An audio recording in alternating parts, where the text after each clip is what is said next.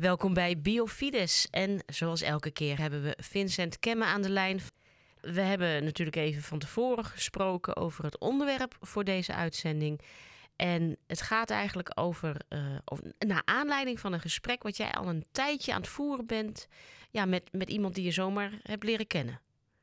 Ja, dat was eigenlijk een, een notabene een Nederlandse bisschop. Maar ik zal mijn naam niet geven, want dat wilde hij misschien niet.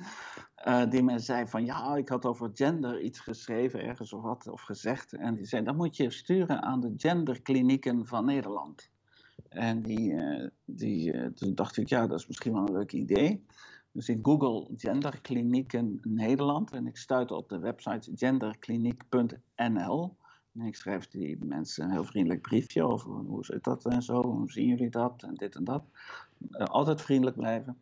En uh, dat, toen kreeg ik een verrassende reactie, want deze genderkliniek.nl die blijkt te, uh, zich bezig te houden met het voldoen aan de wensen van ouders om een kind van hun keuze, van het geslacht van hun keuze te krijgen. Dus stel je wil geen jongen, maar een meisje, of omgekeerd. Mm dan zou je via die genderkliniek dat kunnen regelen. Nou is dat wel verboden in Nederland en in de meeste Europese landen.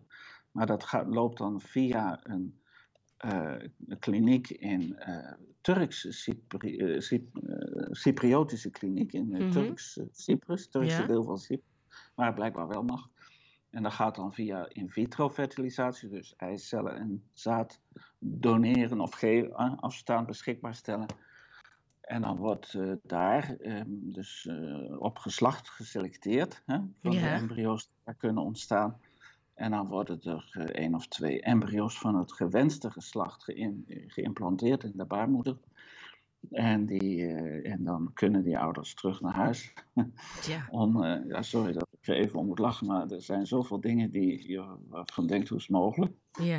En, maar het aardige is, de meneer die ik daar sprak, uh, die heeft daar een hele interessante discussie is eigenlijk uit voortgekomen.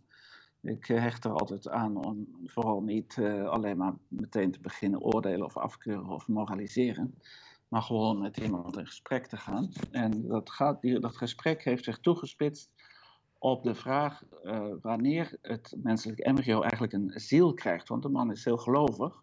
Oké. Okay. Uh, op een bepaalde ja. manier christelijk, op zijn manier, via een bepaalde, uh, wat mij betreft, wat, wat, wat, mysterieuze beweging in Duitsland of zo. Maar, dus die meneer is heel gelovig. Ik ga ook zijn naam niet zeggen, dat zou maar, dit vind ik al ver gaan, dat ik mm -hmm. zoveel aanwijzingen geef. En um, ik wil ook met veel respect spreken, want een man die meent het goed te doen. Maar dus de discussie die zich dan uh, ontwikkelt is inderdaad van, goh, hoe kun je nu... En die, die discussie kunnen wij onder elkaar als katholieken ook voeren. En die heeft de kerk ook gevoerd. Van wanneer wordt nu eigenlijk een menselijk embryo een mens in de ruimste betekenis van het woord. En met name, omdat we als gelovigen spreken, gaat het dan over de menselijke ziel. Wanneer krijg je die? Nou, Yvonne, ik ben benieuwd ja. of jij weet wanneer jij je menselijke ziel hebt gekregen. Ja, ik weet zou zeggen uh, op het moment van de bevruchting. Dat, ja, dat zou mijn heel, antwoord zijn, ja. Heel plausibel antwoord, maar dan ga ik nu advocaat van de duivel natuurlijk spelen. Want, en dat heeft de kerk zelf ook gedaan door dit argument wat ik nu ga zeggen te gebruiken. Dat is, ja, maar stel nu dat die zygote, dat is een duur woord voor de bevruchte eicel. Ja. Stel dat die nu zich gaat splitsen. En daar komt warempel een een-eiige tweeling ter wereld. Ja. Moeten die dan, dan, hun ziel delen? Ja, ja moeten die splitsen. Dat dan, hè, de, of, of krijgt die dan opeens, moet God hals over kop een tweede ziel aanslepen vanuit de hemel. En, en uh, hoe kunnen we dat zien? Was het voor die deling uh, uh, één persoon of twee? Ja. raadselachtige vragen. En weet je wat nou de kerk heeft geantwoord? Nee. Dat weten wij niet. dat kunnen wij niet weten. Wat kan, de, wat kan de kerk weten? Dat is wat bijvoorbeeld de wetenschap weet. Die kan, als jij ontdekt dat de aarde rond de zon draait en niet andersom, zegt de kerk, ja, dat, dat is neem maar gerust aan. Er is nooit een probleem eigenlijk over geweest. Dus de wetenschap kan de mens informeren, over de kerk daarmee. Uh, er kunnen filosofische argumenten zijn om een bepaald standpunt in te nemen. Bijvoorbeeld, ja, een ronde uh, vierkant uh, is een, ding wat niet kan bestaan. Dus dan kun je als gelovige of als mens met zekerheid zeggen: een, rond vierkant kan niet bestaan. Dat is een contradictio in terminis. Dat is dus mm -hmm. een filosofisch argument. Yeah. En daarna boven nog een theologische argument. En dan zou God het moeten hebben geopenbaard. Ja. Ergens via de Bijbel of hoe dan ook zou God moeten hebben geopenbaard dat de zygote voor de deling, bij in het geval van een een-eiige tweeling, uh, één ziel had, of twee, nou ja, maar dat heeft God niet geopenbaard. Je gaat dat in de Bijbel niet vinden. Nee. Of andere openbaringsbronnen, de paus heeft daar. Dus de kerk geeft toe dat we dat eigenlijk niet goed kunnen beantwoorden. Dat is een filosofische vraag, waarin uh, dat dat onder Ratzinger was toen uh, prefect van de congregatie van de geloofsleer. Dat is toch niet uh, om het even wie. Hè? Mm -hmm. Zegt ja, daar kun je eigenlijk niet over antwoorden. Maar we moeten wel ervan uitgaan dat er mogelijk wel degelijk toch sprake is al van een bezieling in termen van een onsterfelijke menselijke ziel die toch op een of andere manier die dat embryo tot een iemand maken, een persoon, een, Mhm. individu, een menselijk individu die ook een, een iemand eh, zal zijn. Nou, de meneer waar ik mee spreek, die gaat dan kijken naar biologische eigenschappen van dat embryo. En die zegt, ja, wacht even, wij stellen vast dat als we, eh, na, eh, voordat het kind, eh, het, het embryo vijf dagen oud is, dus dat is zo'n beetje in de, in de nog, hè, dat, dat het kindje, eh, dat vruchtje nog ingevroren kan worden. En dus en weer ontdooid. Dus dan veronder- veronderstellen wij dat het nog geen mens is in die zin. Maar ja, dat is dus een biologisch argument. Hè, waar een embryo in. Ik ben er al niet gelukkig met het idee, want is Mhm. dat gezond voor zo'n kindje? Dat is maar zeer de vraag. En, ehm, en eh, dus moet je, moet je dat eh, risico nemen. Maar, is, maar sowieso een biologisch argument om een metafysische, dat is eigenlijk een theologische vraag of antropologische vraag te beantwoorden, namelijk of dat vruchtje al een ziel heeft op, in de eerste vijf dagen. Maar die, dat, eh, dat, dat gaat natuurlijk niet. Je kunt niet een theologische vraag met een natuurkundige antwoord beantwoorden. Dat zijn twee verschillende niveaus. Hè. Je kunt Mhm. niet op grond van natuurkundige argumenten zeggen dat God een drie-eenheid moet zijn. Dat kun je alleen op grond van theologische argumenten Ja. zeggen, die gebaseerd zijn op de openbaring. Ja. Dus dat is wel een interessante discussie, de academische discussie misschien, maar heel relevant voor onze tijd. En, eh, en eh, we zijn nog steeds met elkaar daarover in gesprek. En eh, heel respectvol. Dat, ik vertel gewoon heel vaak hoe wij, zoals ik jullie nu vertel, wat de kerk erover zegt. Maar de kerk heeft natuurlijk wel gezegd ehm, dat je hebt het wel als een menselijke persoon te behandelen. Ja. Ook al in de eerste vijf dagen.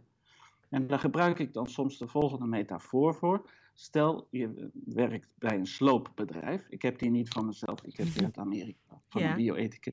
Ja. Stel, je werkt bij een sloopbedrijf en je staat voor dat ding die, waar je naar beneden moet drukken en dan gaat het dynamiet af en dan stort het gebouw, het flatgebouw in. Je kunt je de scène voorstellen. Ja. Ja.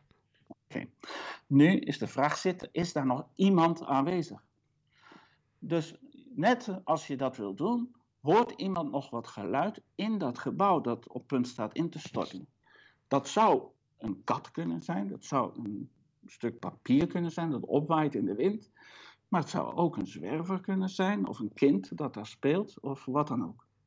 Druk je op dat moment dat ding naar beneden, zodat het gebouw instort? Het antwoord is natuurlijk Nee. nee, want je houdt er rekening mee dat er iemand aanwezig is. Ja. Dus je gaat op onderzoeken uit en pas als het vrijgegeven is, dan ga je over tot de vernietiging van het gebouw. Nou, zo kan je ook bij wijze van spreken redeneren over dat menselijke embryo. Vergeef me de vergelijking. Dat is dat als je kunt vermoeden, eh, als je kunt zeggen van ja, maar we moeten er rekening mee houden dat het werkelijk om een menselijk eh, individu gaat, een persoon, iemand, een onsterfelijke ziel, dan eh, heb je al genoeg reden om het niet te manipuleren, te vernietigen Ja.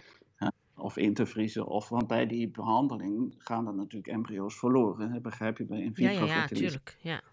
gaan er worden een stuk of, ik weet niet, zes of acht embryo's aangemaakt en dan geselecteerd. En dan gaat er een aantal, zoals ze hier in België zeggen, de frigo in. of de koelkast in. Oh, ja, ja. Uh, dus dat zijn toch wel interessante dingen. Maar de man heeft toch, en dat wordt, uh, ik heb daar ergens, ik ben nog even kwijt waar ik dat gelezen heb. De, de, het zal een katholieke encyclopedie geweest zijn. De geschiedenis van de theologie van de, van de kerk levert interessante uh, dingen op. Bijvoorbeeld zelfs Thomas van Aquino, maar ook andere grote figuren in de geschiedenis van de kerk, waren ook niet zo zeker op dit punt. Maar ja, die hadden natuurlijk nog geen uh, echoscopie, mm-hmm. die hadden nog in, in embryologie, die hadden geen uh, verstand van. Dus dat, ja, dat, wanneer uh, wisten zij dat er iets aan de hand was als een vrouw zwanger was? Ja, vanaf de eerste kleine bewegingjes of zo die men voelt.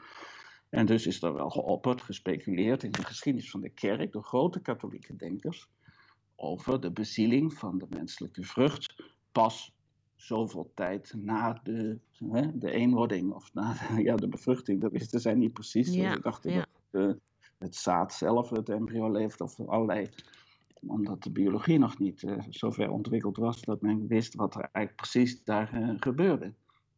Dus, uh, dus, dat, dus de, grappig is dat de meneer van de genderkliniek dat hij in feite steun vindt bij sommige grote katholieke denkers.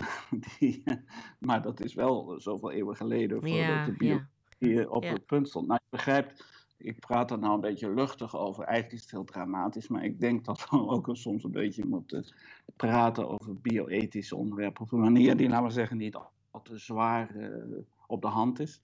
Om juist om het punt meer duidelijk over te maken, over te brengen, wat je wilt maken. Dus dat wij wij als mensen uh, van uitgaan. Benedictus XVI heeft later ook als paus gezegd, ja, maar het, het meest redelijke is toch om ervan uit te gaan, ook al kunnen we die ene haarkloverige uh, vraag over de menselijke persoon en de menselijke ziel, de, de bezieling, uh, in het geval van een een-eigen tweeling bijvoorbeeld, niet beantwoorden. Daar missen we de, de, hè, de instrumenten voor om een, om een sluitend antwoord op te geven. Dat geeft de kerk toe. Ik meen in Domum Vitae, maar dat zou ik moeten nagaan. Een document van de Congregatie van de Geloofsleer uit de jaren 90 dat, uh, dat, je, dat je natuurlijk het moet als persoon behandelen. Dat je het als mens moet behandelen. Respect ja. voor het leven enzovoort. Dat, dat was eigenlijk uh, in een nutshell mijn, mijn, discussie met deze meneer uit Nederland. Ja, ja. nou ik, ik moet dan ook wel meteen denken aan de vraag uh, dat bijvoorbeeld gezegd wordt van een van de pil dat die abortief kan werken of de morning after pil. Dan ga je toch ook uit van het feit dat ja, dat die bevruchte eicel, dat dat dus al een mens is. Dat past dus in dezelfde logica. Het fundamentele punt is dat je als kerk besluit om het menselijk embryo vanaf de conceptie, zoals je aan het begin zei, uh, te, te, beschermen en te respecteren als een volwaardig menselijk wezen. Ja, Komt ja. er een eigen tweeling, nou dan ga je twee mensen respecteren Ja. vanaf het begin. Ja, ja, ja, als ja. volwaardige menselijk wezen. Ook al kun je misschien die ene academische vraag dan niet precies beantwoorden, namelijk of daarvoor, hè, dus de eerste uur na de s- dan is het één cel, dan wordt er twee, en dan vier, en dan acht, en dan zestien, en dan splitst dat eh, al vrij vroeg, denk ik, kan, en dan wordt er, dat je niet met zekerheid kunt zeggen hoe het nu precies zit. Met. Wij denken over de menselijke ziel ook, en heeft Benedictus ook wel eens gezegd, ook een beetje knutselerig. Hè? Alsof daar een of ander ding is dat erbij gepropt moet worden. Eh, maar wat je dus wel ziet is dat bijvoorbeeld genetisch, als je kijkt naar het DNA van die bevruchte eicel, Ja. ongeacht of er één of twee kinderen straks ter wereld komen, dat is menselijk DNA. Ja. En DNA dat draagt in zich een logica die vertaald wordt in, mens, in eigenschappen van haarkleur en lengte enzovoort, en ras en noem maar op. Hè. Mhm. Dus dat, er zit al zoveel in de menselijke, de, het idee van de ziel. Men spreekt traditioneel van de, eh, van de plantaardige ziel, de animale of dierlijke ziel en de menselijke ziel. Dat kunnen wij natuurlijk niet in een reageerbuis vaststellen, hè, of God drie typen zielen gemaakt heeft. Nee, ik snap het. alleen proberen daar redelijk over te denken. Ja. En het meest plausibele standpunt in te nemen. En dan kun je zeggen. Dus ik geloof dat Thomas van Aquino was. Die zei: ja, de menselijke vrucht heeft eerst een vegetatieve of een plantaardige ziel. En dan een animale. En pas later een, een rationele ziel, zoals hij zegt. Een menselijke ziel die tot bewustzijn enzovoort leidt. Nou, dat is geen uh, leer van de kerk. Dat is een mooie gedachte, die waar, misschien waar zou kunnen zijn. Maar dit, de Benedictus XVI zegt ook, ja, hoe dan ook, we hebben het te respecteren als menselijk leven vanaf het begin. Ja. Ik als bioloog zeg, die, die, die logica die in die, embryo, in die embryologie zit, in dat kleine, die bevruchte eicel, dat DNA, dat getuigt al zo van zoveel intelligentie dat je, dat, dat, kijk, bezieling het is ook een beetje wat je eronder verstaat, maar ziel heeft klassiek de betekenis van datgene wat leven geeft aan, het, aan het object waar we over hebben, anders dan een baksteen of een radio. Mhm. en dat, uh, dat uh, dus wij, maar wij kunnen natuurlijk, dit zijn toch altijd dingen die empirisch natuurlijk niet te verifiëren zijn. Nee, nee, nee. nee. Als bewijzen kunnen reageerbaar zijn, maar helaas, dat gaat niet altijd op. Ja, het is erg interessant, uh, Vincent. En ik denk ook dat het mooi is om te horen hoe je ja, in gesprek kunt zijn en blijven met iemand die nou, toch andere, anders erover denkt. Maar uh, op die manier ja, elkaar ook wel kan opbouwen natuurlijk. Ja, en vooral de vriendelijkheid uh, vind ik ontzettend belangrijk. We hebben, we hebben heel vaak een sfeer van vijandigheid tussen katholieken en niet-katholieken en de wereld en de, de, boze wereld en wij of zo, dat soort stereotypen. Maar ik hou daar helemaal niet van. Ik ben zelf jarenlang agnost geweest, buitenkerkelijk. Dus ik moet daar niets van hebben als katholieken zo even komen vertellen hoe het zit. Ja, hè? ja, dus dat, ja, dat heb je vaker opgenoemd, klopt. Gefronste wenkbrauwen. Al, uh, nee, we, we, hebben allemaal onze eigen geschiedenis. Uh, deze meneer heeft een protestantse achtergrond. Dat maakt het al dat je. Uh, dat er eigenlijk, wat ik hem over de katholieken, het katholieke denken heb verteld, ja, viel uit de lucht. Hij was daar heel positief over. Leuk, ja. maar dat is dus heel interessant. Maar de ja. voorwaarde is dat je altijd de persoon met wie je spreekt blijft respecteren en overlaat met, met respect, met ja. terecht. Niet als strategie, maar omdat ik christen ben. Maar dat betekent dat ik misschien bepaalde opvattingen durf wel uh, ja. ter discussie te stellen. Ja. We moeten het gaan afronden, Vincent. We zitten al okay. dik aan de tijd, maar uh, heel veel dank voor deze, ja, voor deze inspirerende woorden. En ook, ook verduidelijking. Het is mooi om dat zo uh, uitgelegd te krijgen. En vooral ook dat duidelijk aangeven. Ja, je kunt niet met uh, filosofische argumenten iets biologisch verklaren, bijvoorbeeld. Hè. Dat, dat is een mooie. Ja, een heel mooie nou ja, duiding, denk ik, voor de luisteraars. Dus heel veel dank voor deze keer. En uh, ik zou zeggen, tot de volgende keer. Tot de volgende keer. Dag. U heeft geluisterd naar Vincent Kemme in het programma Biofides. En als u geïnteresseerd bent, kunt u altijd op de site www.biofides.eu verder kijken en ook uw vragen stellen aan Vincent Kemme.